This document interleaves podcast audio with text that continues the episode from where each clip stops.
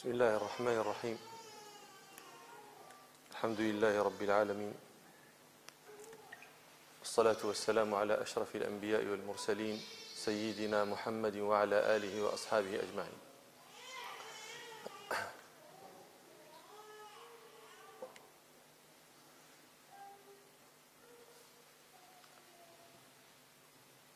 الكلمة عن عن الوسطية. لكن دعوني أقدم بين يدي كلامي بتوطئة. الوسطية هذه صيغت من مادة الوسط. والوسط في لغة العرب كلمة تدل على معاني. من معانيها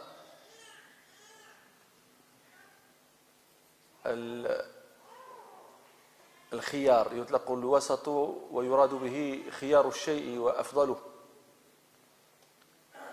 يقال تقول العرب هذا الرجل وسط الحسب في قومه أي من خيار آه، قومه حسبا. قال يذكر أن زهيرا آه، بن أبي سلمى هذا قال هم وسط ترضى الأنام بحكمهم إذا نزلت إحدى الليالي بمعظم. هذا البيت أنا لا أعرفه في معلقته. و لا يوجد في شيء من طبعات ديوان زهير بن أبي سلمى. لكن ذكره آه، الجاحظ في البيان والتبيين ومع ذلك ذكره غير منسوب. هم وسط ترضى الأنام بحكمهم. هم وسط أي من خيار الناس فلذلك يرضون بأحكامهم. وتقول العرب آه، وسيطة تسمي العرب تلك الجوهرة التي تتوسط العقد وتكون غالبا أحسن جواهره تسميها واسطة العقد أي أفضله. وفي البخاري لما آه، خطب أبو بكر يوم السقيفة تعرفون يوم السقيفة اليوم الذي دفن فيه رسول الله صلى الله عليه وسلم فاجتمع الأنصار في سقيفة آه، يتدارسون أمر آه، ولي الأمة بعد رسولها صلى الله عليه وسلم. فجاء أبو بكر وعمر وأبو عبيدة وخطب أبو بكر خطبته المشهورة. فكان من جملة ما قال نحن الأمراء وأنتم الوزراء. فقال حباب بن المنذر لا والله بل منا أمير ومنكم أمير. فقال أبو بكر لا ولكن الأمراء وأنتم الوزراء هم يقصد قريشا هم أوسط العرب دارا وأعربهم أحسابا. أي خيرهم دارا وأفضلهم دارا لذلك إنما العرب آه، تقر لهم بما لا تقر لغيرهم. ويطلق الوسط ويراد به يطلق يأتي اسما لما يكون بين شيئين. فتقول أمسكت وسط الحبل وجلست وسط الدار أي بين أولها وآخرها. ومن هذا قول الأعرابي الذي أتى الحسن البصري فقال له يا أبا سعيد علمني دينا وسوطا. لا ذاهبا فروطا ولا ساقطا سقوطا. أي دينا متوسطا معتدلا لا ذاهبا جهة الغلو ولا متأخرا جهة التلو. فقال له الحسن أحسنت يا أعرابي خير الأمور أوساطها. ويطلق الوسط ويراد به العدل. وذلك قيل في قول الله تعالى وكذلك جعلناكم أمة وسطا أي عدولا. وذكر أيضا في قول ربنا قال أوسطهم ألم أقل لكم لولا تسبحون؟ في قصة الطائف. قال أوسطهم أي قال أعدلهم. فطاف عليها طائف من ربك وهم تتقلب عليها نسهل هذيك وهذه المادة وردت في القرآن العظيم بتصرفاتها. آه، كذلك جعلناكم أمة من أوسط ما تطعمون أهلكم فوسطنا به جمعا. آه، لكن على كل حال معاني كلها تدور حول ما ذكرت لكم من الأفضل والأخير والأعدل أو المتوسط بين الشيئين. قد ترد لغير هذا من المعاني لكن معاني قريبة من هذا. هل هنا من لا يفهم العربية؟ Est-ce qu'il y a parmi nous ceux, certains qui ne comprendraient pas l'arabe?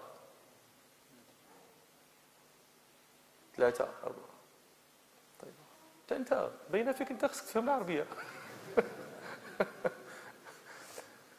Alors nous parlons de l'wasatiyya. Le wasatiyya que vous traduisez par la voie du juste milieu, j'ai quelques réticences sur cette traduction. Peut-être je, voudrais, je, vous euh, dirai mes réticences, peut-être pas. De toute façon, j'ai des réticences là-dessus.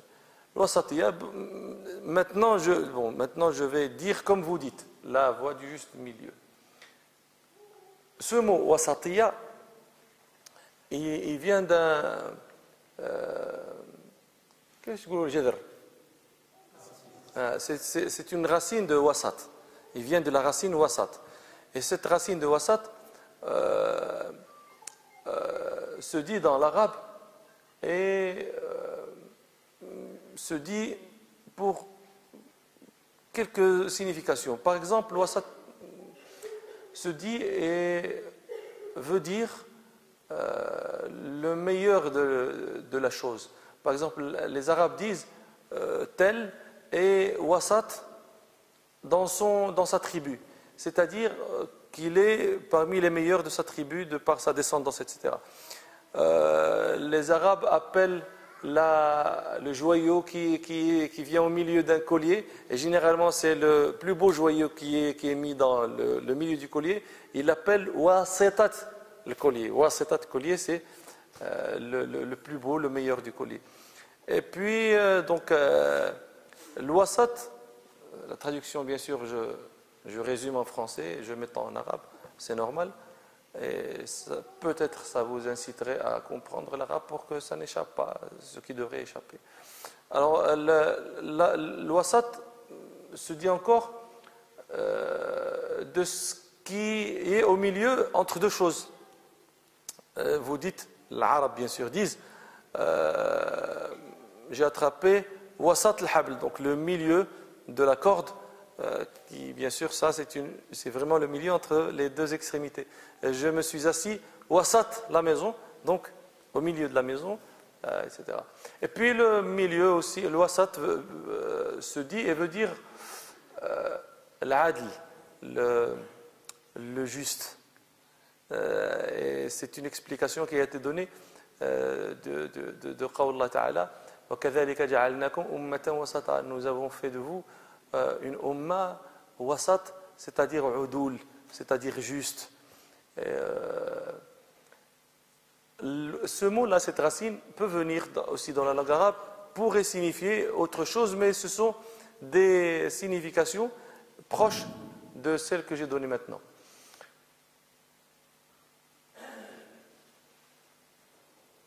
ولكن كلمة وسطية الآن تحدثنا عن كلمة وسط. كلمة وسطية هذه كلمة لم تتحدث بها العرب لا تعرفها لا تسمع لم تسمعها. كلمة وسطية. وهو هذه وسطية هذه الكلمة يسميها العربية يسمونها مصدرا صناعيا. مصدر صناعي فيأتون إلى كلمة فيضيفون إليها الياء أو التاء ياء مشددة والتاء كما تقولون أنتم الآن الإنسانية والبشرية والحيوانية وإلى آخره. هذا يسمونه مصدر صناعي. هذه المصادر الصناعية قليلة المصادر التي تحدث بها العرب مصادر قليلة هذه المصدر الصناعي الفروسية والخصوصية قليلة. لكن المتأخرون لكن لكن المتأخرون توسعوا فيها توسعا عظيما. بل قد بعد بعض مجامع اللغة آه، قعدت فقالت يجوز القياس في المصانع في في المصادر الصناعية منها الوسطية هذا من جهة عربية الكلمة.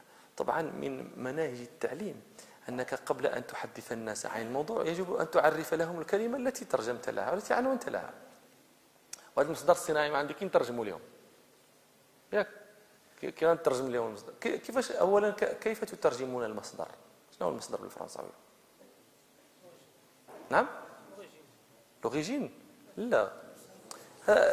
لا لا ولكن la source l'origine ça c'est المصدر ce n'est pas المصدر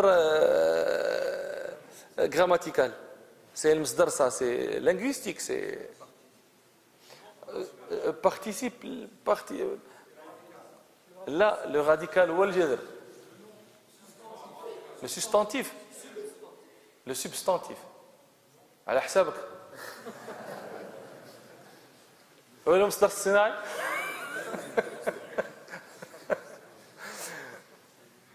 الوسطية الحديث عن الوسطية هو حديث عن شيء كل يمدحه. لا تجد قوما يبغضون الوسطية أو يذمونها. فحديث عن الحديث الحديث عن الوسطية هو حديث عن موضوع كل يمدحه. مع أنه حديث عن شيء عائم عن شيء مغبى معمى. لأن هذه الوسطية مفهومها تطلق ويراد بها مرادات يراد بها مرادات كثيرة. فما هي هذه الوسطية؟ مرادات مرادات يقرها الشرع. هي حق وصواب يقرها ومرادات باطلة يردها الشرع. وكل يمدحها لأن كل لأن كلا يغني بليلاه تأتي يقول الوسطية ولكن يقصد بها شيئا. غير ما تقصده أنت عندما تتحدث عن الوسطية. ولذلك أحب أن يكون مبتدأ حديثي عن الوسطية مبتدأ اتفق الناس عليه وكلام الشاطبي رحمه الله الناس عالة على الشاطبي في كثير مما قال الشاطبي رحمه الله j'ai dit le, que le, le, parler à propos de, de la wasatiyya, euh, c'est, c'est, c'est, le discours de, de, sur le wasatiyya, c'est un discours dont vous entendrez que des éloges. C'est un discours aimé par tout le monde, euh, élogieux pour tout le monde, quoique, qu'est-ce que ça veut dire le wasatiyya pour ce, ce, celui qui parle? Le titre, nous sommes tous d'accord que c'est quelque chose, que c'est la voie juste, le wasatiyya. Il n'y a pas d'autre voie qui est juste, c'est le wasatiyya. Sinon, c'est les, euh, euh, les extrêmes. Mais ce mot wasatiyya, c'est un, un, concept vague. Pourquoi vague? Parce qu'il se dit, et, il prend plusieurs aspects, plusieurs, selon ce que veut celui qui, en parle. Mais pour essayer de limiter cet, aspect de, qui est vraiment vague, nous allons, notre case de départ serait euh,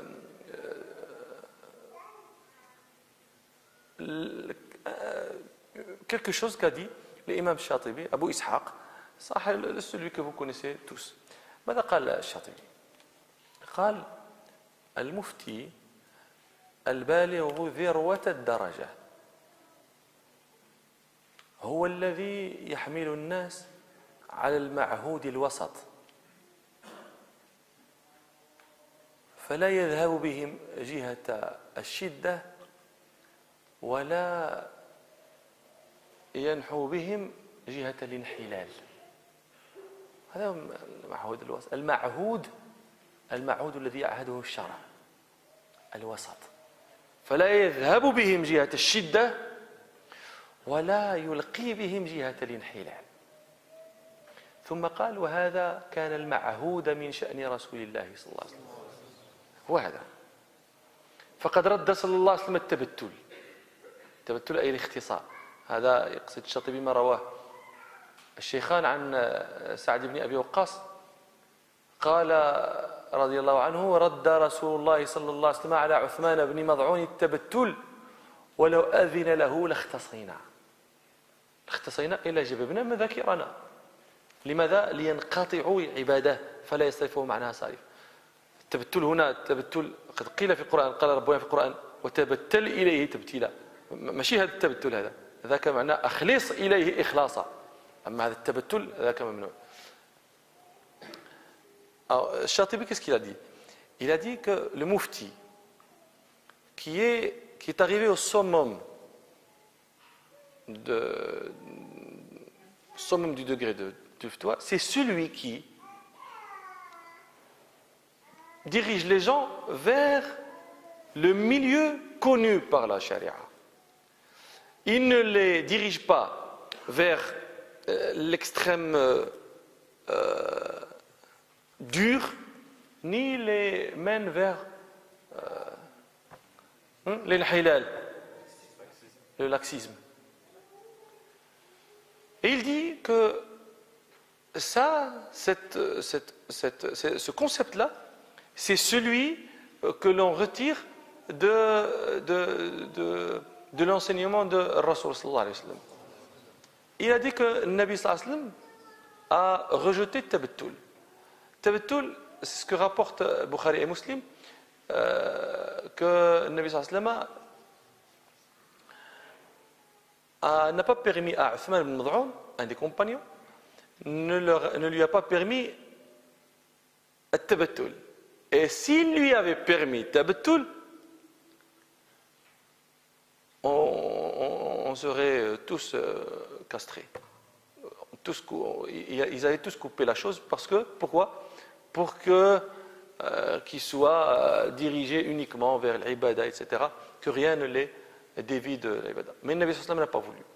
Pourquoi? Parce que ça, c'est un saut vers l'extrémité et c'est une extrémité qui n'est pas voulue par Sharia.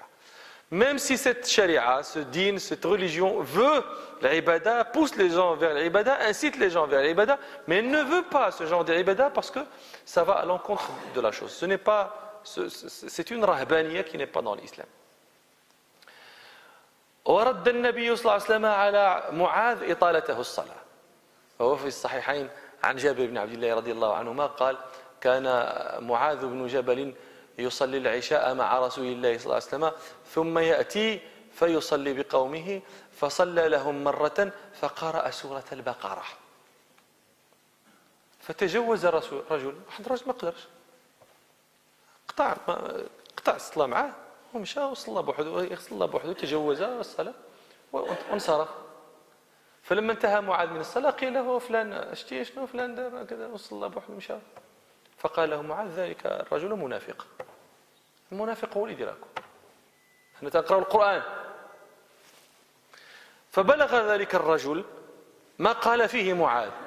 فذهب إلى النبي صلى الله عليه وسلم. كاين رسول الله تنتشكاو ليه كلنا. فقال الرجل يا رسول الله إنا قوم نعمل بسواعدنا ونسقي بنواضحنا. يعني كنروحوا في الليل مهلوكين خصنا نمشيو نعسو وإن معاذا صلى بنا فقرأ البقرة. فتجوزت فزعم أني منافق. النبي صلى الله عليه وسلم ما هدرش مع الأعرابي. ما تكلم معه ما قال ليه لا وكذا. تكلم مع معاذ. فقال له ما تعرفون جميعا؟ يا معاذ أفتان أنت. يا معاذ أفتان أنت. يا معاذ أفتان أنت. اقرأ سبح اسم ربك الأعلى والضحى والليل ونحوها. اقرأ بهذا الشيء. البقرة من تصلي بوحدك اقراها لما تصلي بالناس تصلي بمسبح اسم ربك الأعلى والشمس وضحاها إلى آخره. الأطراف؟ لا رجع. لماذا؟ لأنك أنت مع الناس مع الجمهور. هذا هو الذي يليق بالجمهور. النبي صلى الله عليه وسلم الشاطبي a dit que النبي صلى الله عليه وسلم a refusé encore n'a pas permis à Mu'ad le fait qu'il qu'il s'étend sur la lecture, qu'il qu qu prolonge la, la, la, la salat. Et il, il, fait allusion à ce qu'a rapporté Bukhari ou Muslim, euh, que Mu'ad faisait la prière avec le Nabi sallam, la prière l'Aïcha, et puis il, quand il retournait à sa, tribu, il, euh, était leur imam. Un jour, euh, euh, il, a fait la prière du Isha pour eux. Il a lu Surat al-Baqarah dans l'Isha. Et encore, Surat al-Baqarah, il ne va pas la lire dans les quatre rak'at, seulement dans deux. Donc, euh, ça va être plus de deux hizb et quelques dans chaque rak'at. approximativement deux hizb et demi dans chaque rak'at. Donc, c'est beaucoup. Alors, un des musallines qui, était, qui faisait la prière avec moi, il a continué tout seul.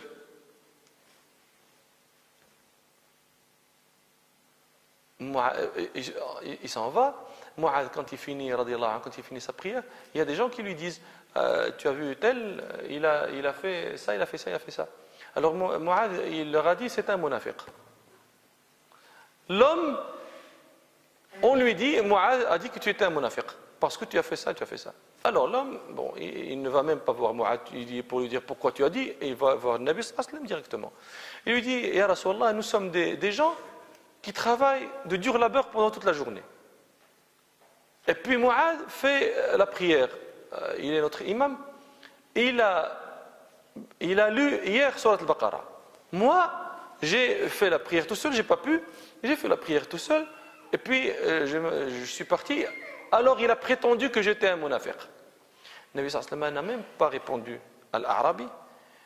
Tellement pris d'une colère, il a dit à Mu'ad Ya Mu'ad, est-ce que tu es un fitan, tu, fais la fitna Et il a même dit trois fois. Et ça, vous savez, c'est une euh, manière chez les Arabes, quand ils répètent la chose plus d'une fois, ça veut dire qu'ils y portent une attention particulière. Ça vous trouvez dans le Coran, رحمن, سورة رحمن, tout entière, il y a cette répétition. Euh, euh, euh, hmm? Et, ويل يومئذ المكذبين. سورة المرسلات ويل يومئذ المكذبين. c'est-à-dire qu'il y a une attention particulière à ça et ça on trouve même dans la poésie arabe الحارث بن عباد سيت ان بوات دون الجاهليه كونت اون لو ا كو فلان مهلهل توي طون فيس إلى في اون اون بويزي اون قصيده دون لاكيل اي ريبيتي بوكو قرب مربط النعمه مني قرب قرب مربط النعمه سي سون سيفال دونك Nabi sallam a dit tu fais la fitna, tu fais la fitna. Déjà, déjà, une seule fois aurait suffi. est-ce que tu fais la fitna? Non, ya Rasulallah, je ne fais pas de fitna, je me suis trompé, d'accord, je ne referai plus la chose. Là, Nabi sallam, il est en train de gronder, il ne pose pas la question. Ya tu fais la fitna? Mais c'est quoi cette fitna? Il lisait le Coran. Si, lisant le Coran, tu fais la fitna, qu'est-ce que tu verrais si tu. Ce qui se passe en Syrie, c'est quoi? Comment est-ce qu'on appellerait ça C'est Allah Ta'ala al-muslimin. Donc, euh, pour voir. Et puis, il lui indique, il le, il, il, il le reprend, il ne le laisse pas dans, le, cette, dans, cette, dans cet extrême, dans cette extrémité, il le remet dans le milieu qui est adéquat, qui, qui est à la, à la masse. Lit والشمس وضحاها. لي سبح اسم ربك الأعلى. Et lit ce genre de comme ça.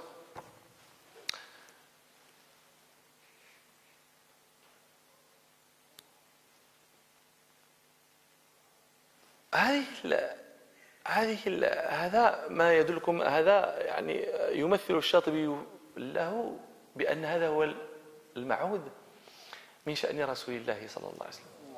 هذا الحمل على نهج وسط. وهذا الحمل دل عليه القرآن العظيم.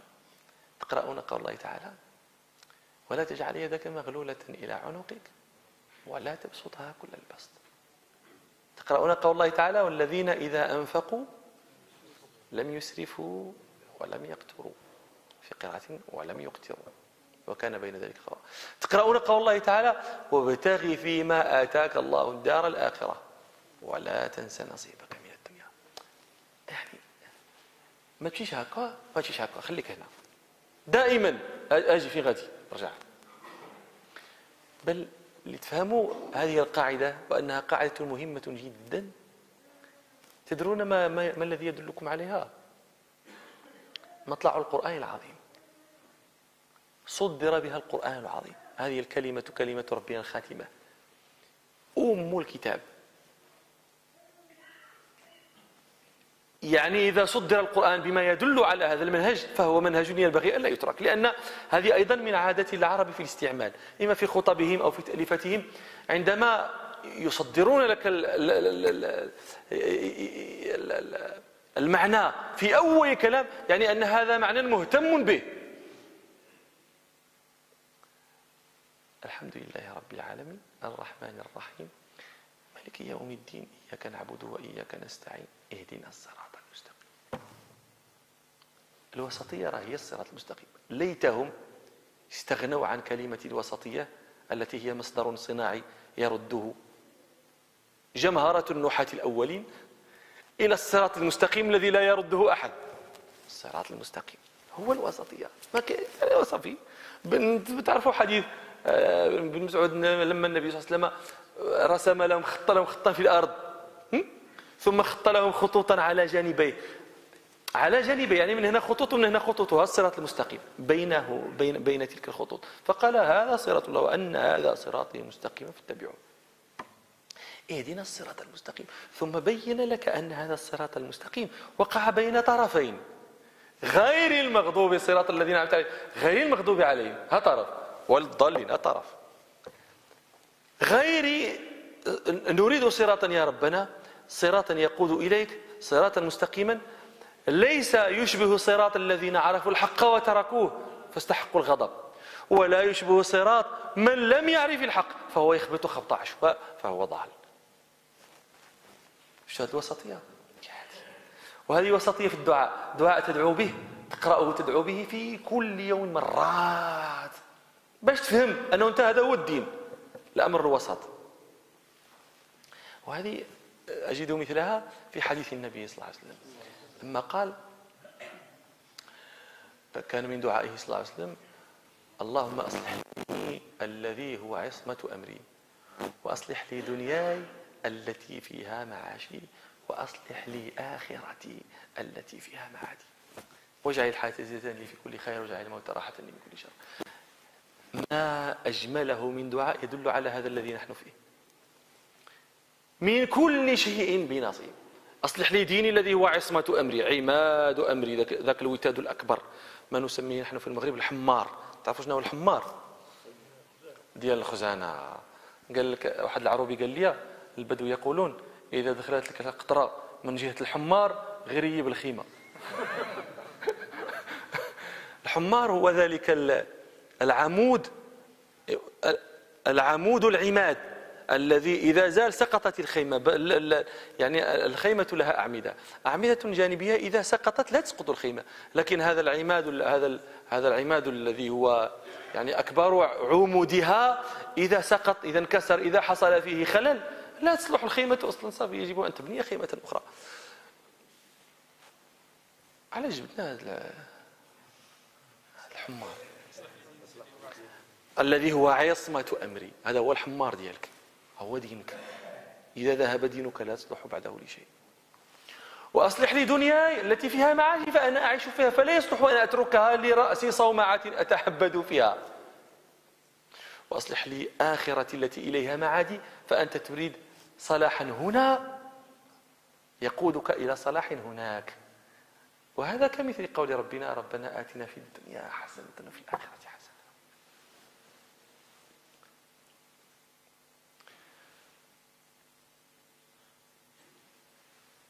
ثم النبي صلى الله عليه وسلم لما تحدثنا عن حديث معاذ. راه من شحال هذه ما ترجمنا للناس ياك نسيناهم هذو.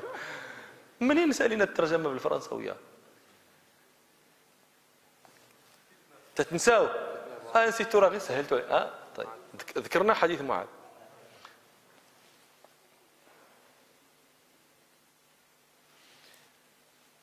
Alors nous avons dit que cette règle, la règle du milieu de, la wasatiyya, c'est une règle euh, qui est, que vous trouvez partout quand vous lisez le Coran. Par exemple, vous lisez Allah Ta'ala Ne sois pas euh,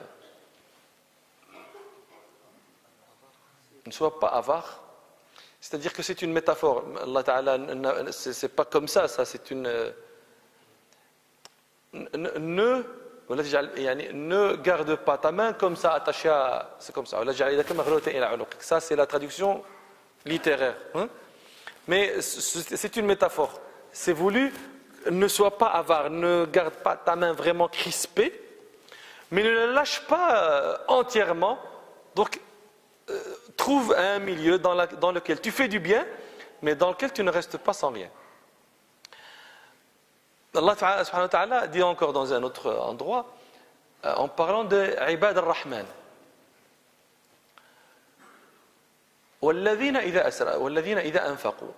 Et ceux qui, quand ils dépensent, quand ils font une dépense, ne sont pas hein, gaspilleurs. Ils ne sont pas avares. Ils étaient dans un milieu qawam. On lit encore dans un autre endroit, euh, quand Allah subhanahu wa ta'ala nous raconte l'histoire de, de Qarun, tu sais qui c'est Qarun? C'est celui qui était avec Moussa alayhi salam, qui était riche, immensément riche, et que la tribu de Moussa disait Oh, euh, si nous avions, si seulement nous avions comme, comme à Qarun. Tu, tu vois qui c'est?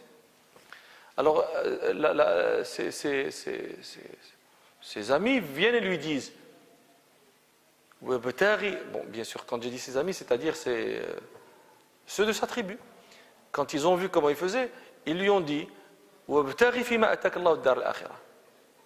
subhanahu wa ta'ala t'a fait du bien, t'as as fait ce que t'as donné ce que tu as.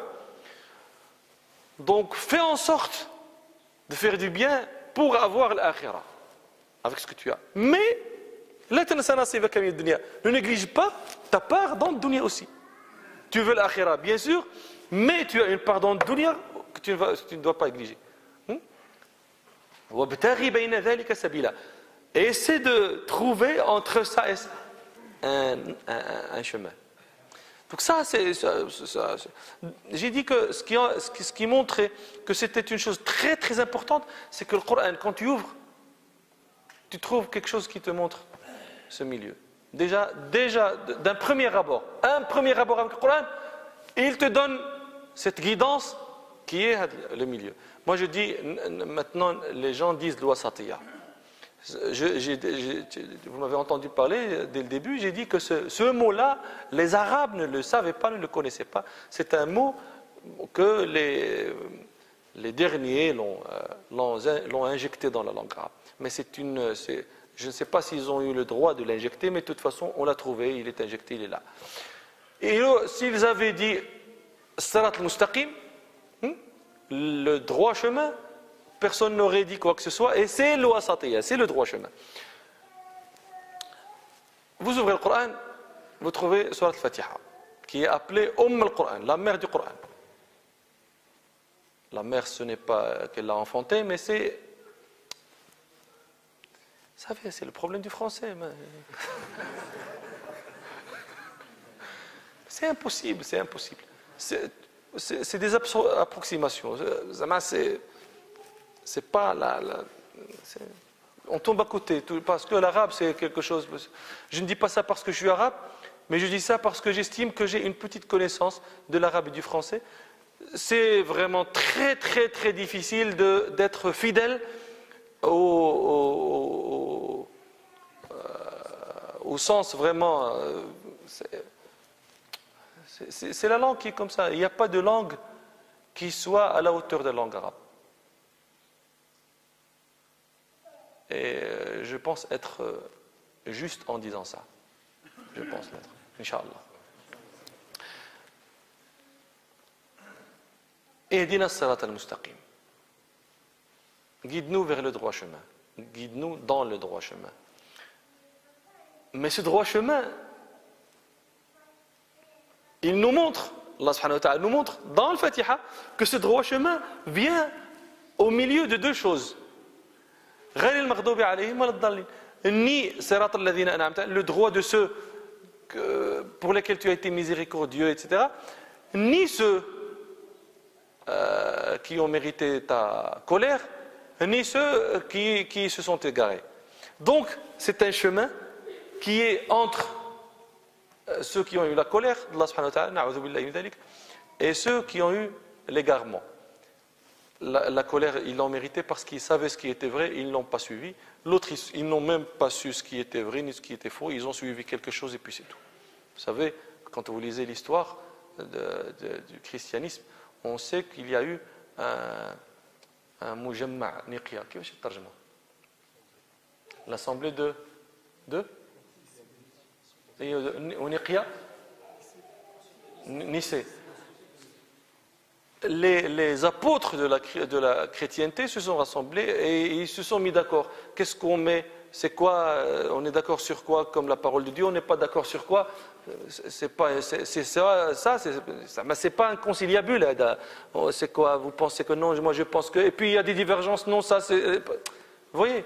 Donc, et puis après, on, fait, on se met d'accord sur quelque chose et puis on la suit. Et encore, euh, l'histoire nous montre qu'ils se sont mis d'accord sur une chose après, ils sont tombés encore dans la divergence.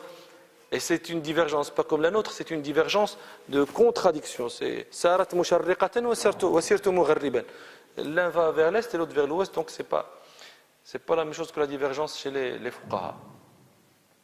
Donc ça c'est un al-Mustaqim. Et puis ça c'est une invocation c'est une invocation, c'est un dua. Nous, nous, trouvons cette règle dans un autre dua de Nabi sallam. Quand il dit euh, Allahumma aslih li dini alladhi huwa ismatu amri. ترجموا هذه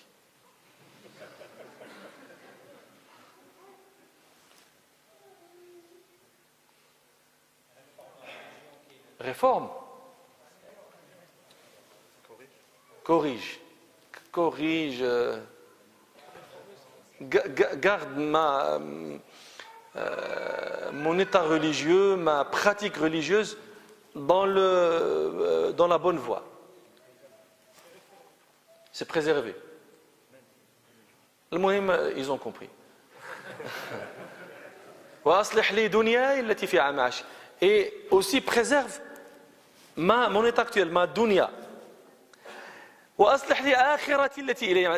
et préserve aussi, rend bien, euh, mène vers le bien mon état dans l'akhira. Donc, ce n'est pas, euh, la parabole n'est pas dirigée uniquement vers Omar et puis bon, après on va voir ce qu'on va faire et, puis c'est tout. Hein. Ni on est dirigé vers l'akhira dans une euh, soma'a, dans un couvent, dans, j'ai vu Saint-Michel, le mont Saint-Michel?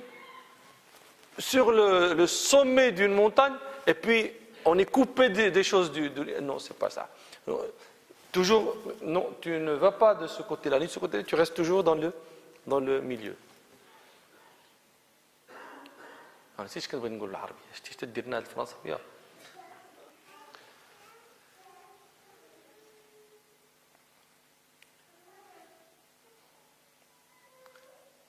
النبي صلى الله عليه وسلم لما لما آه، أنكر على معاذ ما صنع بين لهم المنهج. فقال صلى الله عليه وسلم إذا أما أحدكم الناس فليوجز فإن وراءه الضعيف والكبير وذا الحاجة. وزاد زيادة في حديث آخر حديث أبي هريرة في الصحيحين إذا صلى أحدكم للناس فليخفف. فإن منهم السقيم والضعيف والكبير. وإذا صلى أحدكم لنفسه فليطول ما شاء. يعني لأنه حتى إذا قلنا لا دائما قرأ بعض الصور القصيرة. هذا أيضا تطرف هذه الجهة.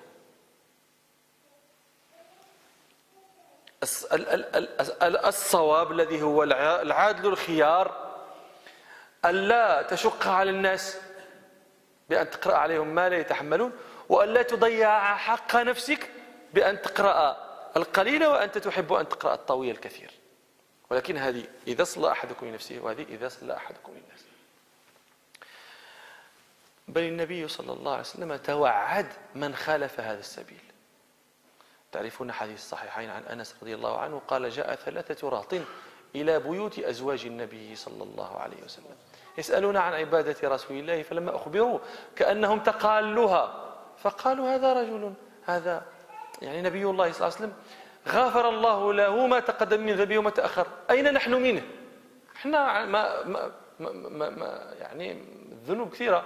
فهذه العبادة القليلة إذا اكتفينا بهذه العبادة القليلة ما ما غادي تقضي لنا والو. فهذاك الذنوب الكثيرة اللي عندنا. النبي صلى الله عليه وسلم هذا مغفور له اللي دارها راه غير نافلة. حنا اللي فقال أحدهم أما أنا فأصوم ولا أفطر. وقال الآخر أنا أقوم ولا أنام. وقال الثالث وأنا لا أتزوج النساء. فبلغ النبي صلى الله عليه وسلم مقالتهم. قال كلمته المشهورة ما إني أخشاكم لله وأتقاكم له ولكني أقوم وأنام وأصوم وأفطر وأتزوج النساء. فمن رغب عن سنتي فليس مني. اجتهاد التهديد سنته اللي هي الصراط المستقيم ذاك الوسط بين الخطوط. من رغب عن هذا فليس مني. هذا تهديد خطير جدا. وإذا لم نكن منك يا رسول الله من من نكونوا؟ إحنا بغينا نكونوا منك يا رسول الله. كاع الحاجة اللي ما تبعدنا عليك ما عندنا ما نديروا بها. فليس مني. جاء رجل إلى النبي صلى الله عليه وسلم فقال يا رسول الله إني لا أتأخر عن الصبح. من أجل فلان. تنجيش ليه؟ قد تعطلت تعطلت. من أجل فلان. مما يطيل من الصلاة. فقال الراوي فما رأيت رسول الله صلى الله عليه وسلم غاضب في موعظة قط كما غضب يومئذ. غضب حيث واحد يصلي. فهمتوا هذه؟ هذه هذه هذه تخليكم تفهموا حال الناس اليوم. وأن كل من ينحو جهة الغلو انتصارا للدين وانتصارا للسنة وانتصارا للحق فيما يظهر له فإن النبي صلى الله عليه وسلم يغضب منه. إذا كان ذلك يؤدي إلى أن الناس تتأخر عن الدين بسببه هو. هو بحال هكا بالضبط. تتأخر عن الصلاة من أجل فلان. فلان تي... النبي صلى الله عليه وسلم غضب. ماشي قال لي لا وأنت معكاز وأنت كسول. هذا الشيء سمعناه؟ الإنسان تتجي عنده تيمشيو عنده الناس فتيقول السيرة تطول بين الجمعة. واش ساعة وثلث وانت تتخطب؟ اش بغيت تعلمني الإسلام كله في هذه الجمعة خلي شوية الجمعة الأخرى. راه لكتينا كاع قتلتينا. اش تيقول لهم؟ ياك إلا كان الفيلم ما تتعياوش ولا كان الذكر تتعياو المقت هذا المقت. شحال البسالة؟ اش وصلنا لهذا الهضرة؟ واش النبي صلى الله عليه وسلم شوف اش قال ليه؟ أما للناس في رسولهم أسوة حسنة. النبي صلى الله عليه وسلم قال له لا وانت دابا ملي كتكون خدام النهار كله ما عييتيش من وقفتي في صلاة العشاء عاد باش عييتي كاع ما قالها ليه النبي صلى الله عليه وسلم. قال يا أيها الناس إن منكم منفرين. صلي بالناس صلي بالناس تكيس على الناس. يعني الآن شو هذه. كالكي كالكي. خذ هذاك الشيء وكالكيو على الواقع باش تفهموا الدين باش تفهموا السنة باش تفهموا النبي صلى الله عليه وسلم.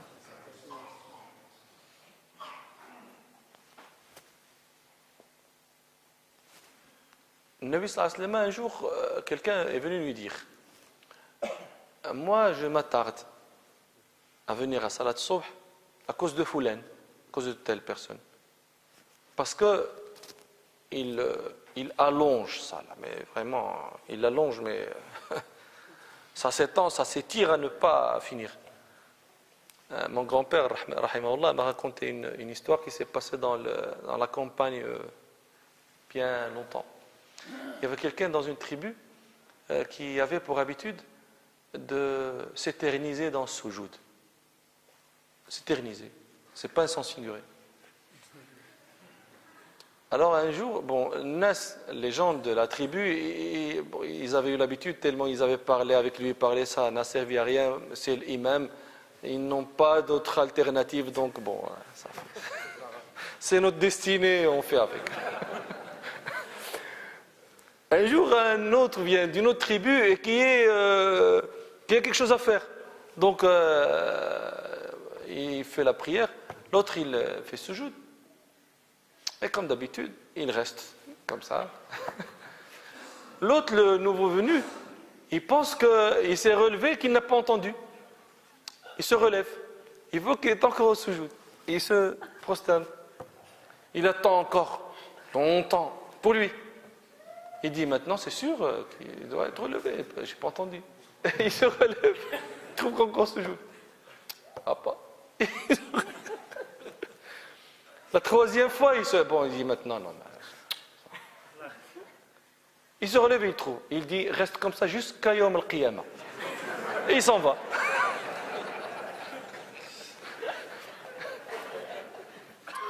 Alors moi j'ai dit, quand Hadak, quand la, personne a dit Nabi que je m'attarde euh, sur euh, Salat Subh, je n'arrive pas, je ne viens pas euh, dès le début. Le Nabi le Rawi, celui qui raconte le hadith, le hadith bien sûr il est dans le Bukhari Muslim, Et il dit Je n'ai jamais vu le Nabi sallam dans une colère comme je l'ai vu dans une maw'ida, en colère comme je l'ai vu cette fois-là. Moi je dis Pourquoi il va se mettre en colère? Regardez l'attitude du Nabi sallam. Il s'est mis en colère contre celui qui lisait, qui, faisait la prière, qui était imam.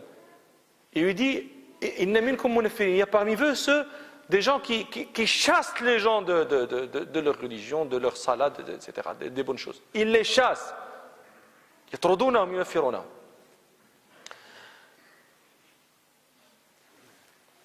L'attitude contemporaine tendrait vers quoi? Vers ça Certainement pas. Quelqu'un lui dit non, moi, l'autre il, fait sobh avec, euh, je sais pas, avec Surat Yusuf ou quoi et moi je m'attarde parce que on va gronder celui qui vient pour euh, on va le gronder. Qu'est-ce que et ça bien sûr on l'a entendu. Ah ouais? Tu trouves ça long? Et quand tu es euh, dans le travail ou là que tu es tu trouves pas ça long les, choses de dunya tu trouves pas ça long mais bien sûr les choses de l'akhira tu trouves long c'est quoi ces considérations dans, lesquelles tu, entres avec la, personne? Le Nabi sallam a grondé celui qui faisait la prière. Il a dit, Minamin, comment on est Toi, tu grondes celui qui... C'est quoi Et puis on prétend qu'on fait ça pour la religion, pour Sunnah. Il y avait quelqu'un à Rabat, vous savez, euh, les mosquées à Rabat, ils ont une habitude, pendant le ramadan, euh, après Adhan al-Isha, ils font une petite maw'ida. Bien sûr, avant, ça commence avant Adhan al-Isha, une vingtaine de minutes, 25 euh, minutes, de sorte qu'après Adhan al-Isha, on attend 5-10 minutes, et puis les gens, ils font leur prière. Il y avait quelqu'un qui commençait 20 minutes, par exemple, avant al-Isha, et il continue à parler pendant 40, 45, 50 minutes après al-Isha, quotidiennement. Tu as beau, euh, tu as, beau avoir la, patience de tous les habitants de France en toi, mais un jour elle va arriver à terme. Alors ils sont partis le voir. Ils ont dit oh, Kada, c'est beaucoup. Vous savez, c'était quoi la, réponse Celui qui ne veut pas ne vient pas dans ma mosquée. Il y a d'autres mosquées. C'est pas ta mosquée, c'est la mosquée d'Allah. هذا بيت الله c'est pas Beit Dielk. Beit Dielk, on ne vient pas chez toi. Ni pour peu, ni pour longtemps. On ne vient pas. Mais quand on vient vers la maison de Allah Ta'ala, il ne faut pas que tu nous empêches de venir. Parce que là, maintenant, la prochaine fois, on veut, on voudrait venir, mais on dirait, ah, il y a tel. Ah ben, on ne vient pas. On, ira ailleurs ou on fera la prière chez nous. Et ça, c'est très grave. Ça s'écrit dans, dans, dans, ton kitab, dans ton livre. C'est très, très grave. Mais ça, c'est pour vous décrire l'attitude maintenant des musulmans, des... et l'attitude de Nabi sallallahu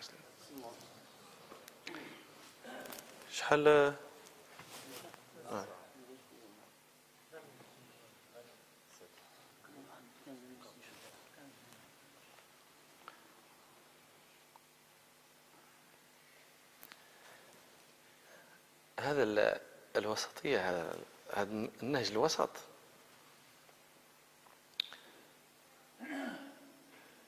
كان النبي صلى الله عليه وسلم يفعله حتى في الموعظة.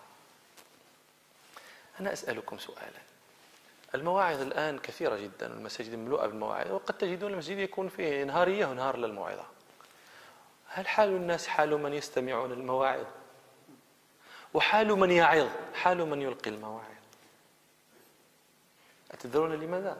لماذا فقدت المواعظ والتأثير؟ خليني من أن المستويات نازلة وكذا. ولو يكون تيوعظ الحسن البصري وابن الجوزي. نهار يجيك الحسن البصري يوعظك نهار يجيك ابن الجوزي يوعظك إلا تتنوبوا عليك غادي يطلعوا عليك في الراس بجوج.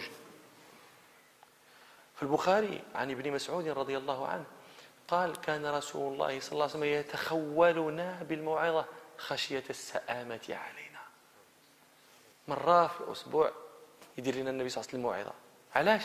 كي لا نسأم تخيلوا أنتم ما فهمتش النبي صلى الله عليه وسلم تيدير الموعظة ويسأم منه شي واحد. رسول الله صلى الله عليه وسلم هو تيدير الموعظة.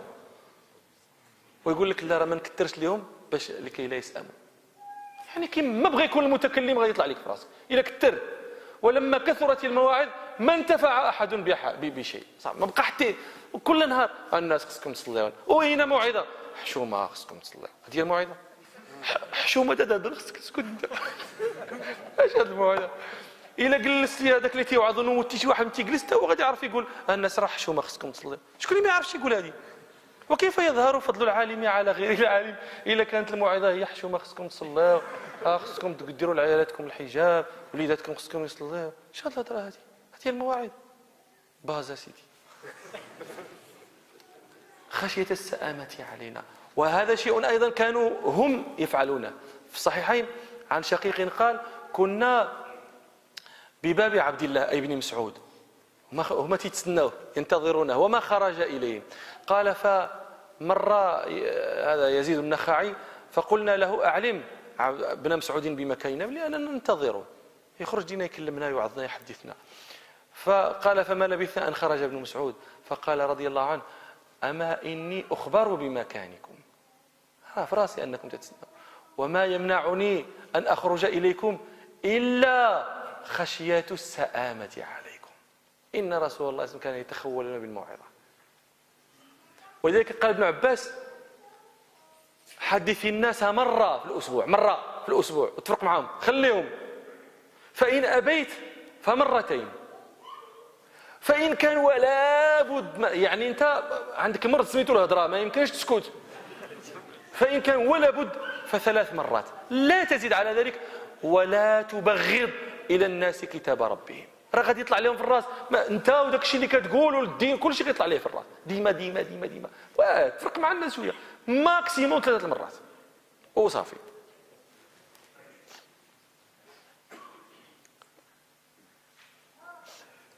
هذا la voie du, du, du milieu. Nous la trouvons même dans nous aimerions, nous aimerions que tendre vers les extrêmes dans ces choses-là, choses-là tellement elles nous sont agréables. Et même dans ces choses agréables, Nabi sallam retenait vers le vers le vers le atidal. Nabi sallam raconte Ibn Saoud, il disait que Nabi sallam ne nous faisait pas toujours la mou'ida. Il nous faisait le mou'ida de temps en temps. Pourquoi? De peur que de peur que nous nous lassions de cette moïda. Euh, bien sûr, nous trouvons ça vraiment euh, étrange. Comment, se lasser d'une moïda que Nabi sallam en personne est en train de dire? Rasulallah, on, juste, on aimerait juste le regarder, qu'il ne parle pas ou qu'il parle juste le, portrait de, tu es de là, Nabi sallam est en train de parler, toi tu, es, tu remplis tes yeux par Nabi sallam. Déjà, c'est un état vers lequel il n'y a pas de lassitude. Et pourtant, le Nabi sallam ne le faisait pas chaque jour. Pourquoi? Parce qu'il a peur, il avait peur, Nabi sallam, que les gens euh, se lassent. Et, eux aussi, les Sahaba, faisaient ça. Euh, un des disciples de Abdullah ibn Saoud raconte qu'ils étaient les disciples d'Abdullah ibn Saoud devant chez lui. Il, il, euh, et puis lui, il ne sortait pas. Vient un des disciples qui avait quelque chose de plus, que, qui se permettait des choses qu'il ne se permettait pas. Ils lui, lui ont dit, euh, dit Ibn Saoud qu'on est en train de l'attendre. Alors, après, Abdullah ibn Saoud, il sort. Il leur dit que je sais que vous êtes là. Et je sais que vous m'attendez. Mais vous savez pourquoi je ne sors pas? Ce qui m'empêche de sortir, ce qui m'empêche de vous faire le c'est que j'ai peur que vous tombiez dans la lassitude. J'ai peur de vous lasser. Alors si Nabi sallam ne fait pas, Abdullah ibn Saoud et Sahaba ne font pas. Comment tu t'imagines que toi, tu ne vas pas lasser les gens C'est vraiment avoir une très euh, haute opinion de toi-même. Et qui est erronée, bien sûr. C'est pas possible. هذه الأمور الاعتدال هذا الوسط كانت كنا نلاحظها حتى في الأمور الصغيره للرسول صلى الله عليه وسلم في في جلة في الأمور الجليلة وفي الأمور هذه الصغيرة. حديث عمر بن أبي سلمة ربيب النبي صلى الله عليه وسلم. هذا قال كنت في حجر رسول الله صلى الله عليه وسلم وكانت يدي تطيش في الصحفة. تبصيل. ناكل من هنا ناكل من هنا ناكل من هنا. هو يتيم. يتيم. تعرفون رعاية النبي صلى الله عليه وسلم لهذا الأيتام. في يوم قال طاش يدي صحف النبي صلى الله عليه وسلم قال له يا غلام سم الله وكل بيمينك وكل مما يليك. أين أنظرنا؟ أين المنهج الوسط في هذا؟ هذا كيتيم عادة الناس مع اليتيم ألا تؤنبه ولا تكلمه لأنه يقول لك مكسور القلب مسكين. غتخليها هكا غادي يخرج قليل الترابي. في نفس الوقت تقول لا هذا خصو يتربى لأنه كذا. أش أنت؟ حيدك دبن. هادو لي زيكستريم. الطرف هو هذا يا غلام. غير بالكلام سمي الله. وكل بيمينك وكل مما يليك هذا الأدب.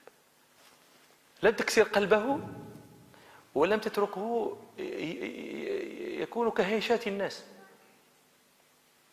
حتى مع الوليدات. أنا ذكرت قديما حتى مع النساء. القصة المشهورة اللي تعرفها أن النبي صلى الله عليه وسلم كان في بيت عائشة فبعثت إحدى نسائه قصعة فيها طعام. فغارت تلك التي النوبة نوبتها. زعما أتصور أنا أن هذا شيء كتبه الله على بنات آدم. هذه الغيرة. آه، كيفاش أنت علاش غادي تصيفط أنت؟ على أنا ما تنعرفش زعما نطيب؟ ما ما تعجبوش ماكلتي ولا أنت كطيبي احسن مني ولا فغارت فضربت القصعة تهرسات انفلقت القصعة الماكلة مشات. فقام النبي صلى الله عليه وسلم بنفسه بابي وامي صلى الله عليه وسلم. وجمع الأكل ونادى بقصعة وجعل الاكل في القصعة الصحيحة وبعث بها إلى صاحبتها وهذيك اللي كسرت القصعة بقات لها الكسور في دارها. فين الوسطية تتبان لي هنا؟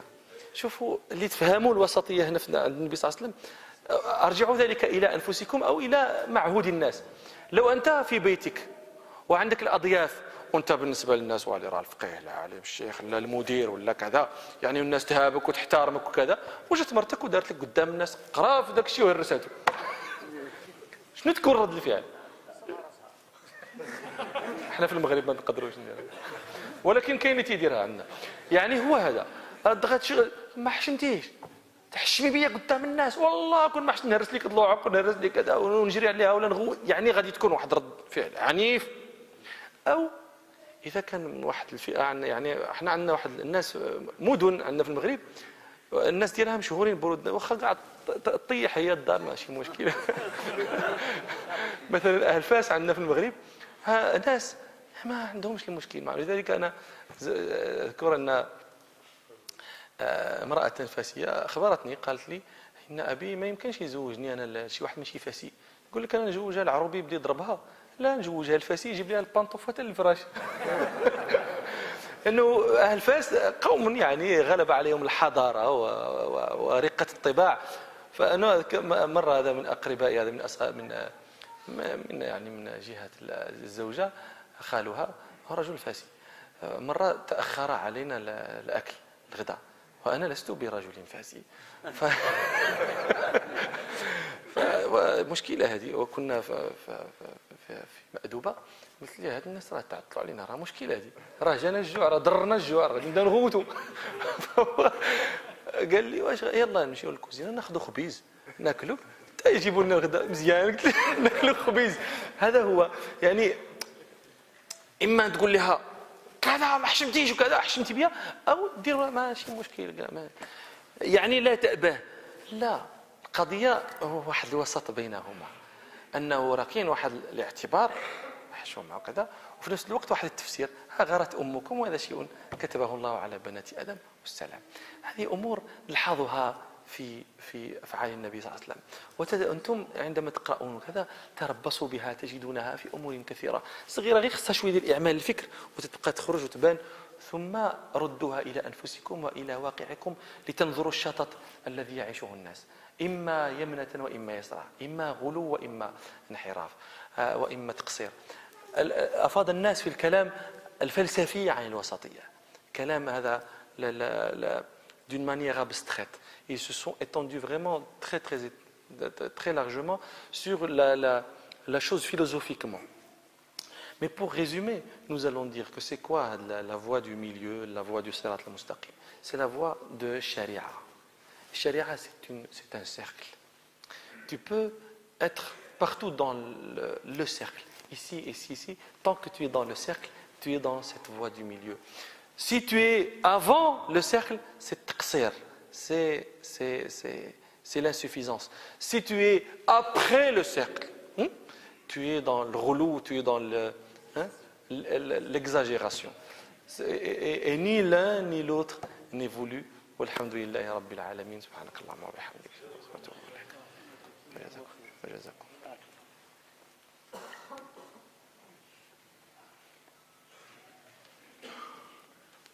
الوقت هذا